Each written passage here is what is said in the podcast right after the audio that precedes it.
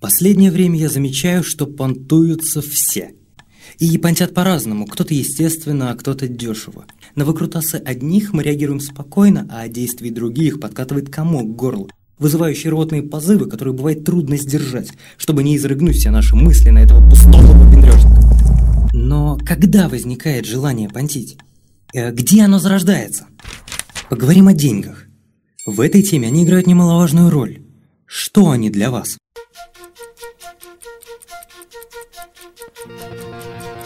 Деньги – это энергия, скажет буддист.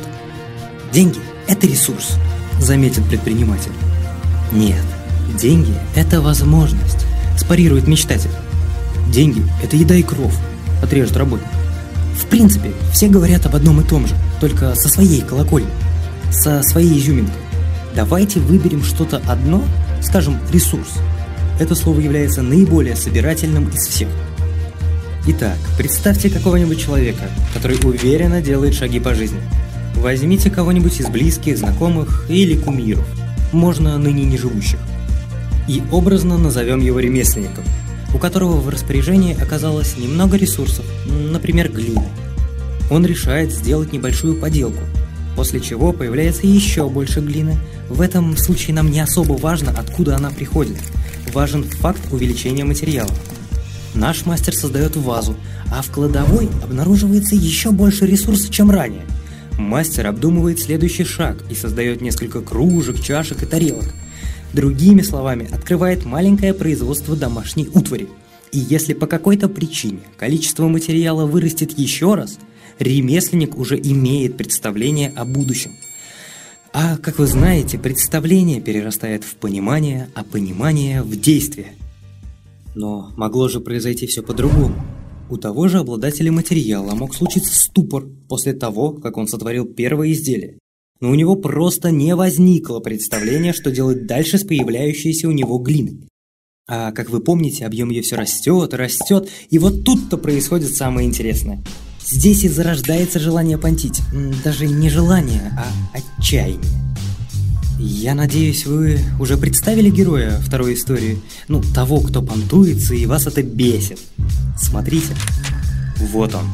Идет такой весь под завязку забитый клин. Свободного места в одной руке уже нет, во второй заканчивается, можно в рот еще засунуть, на какое-то время поможет. А чуть позже все это добро попадает на одежду, Он уже полностью грязный, что делать не знает.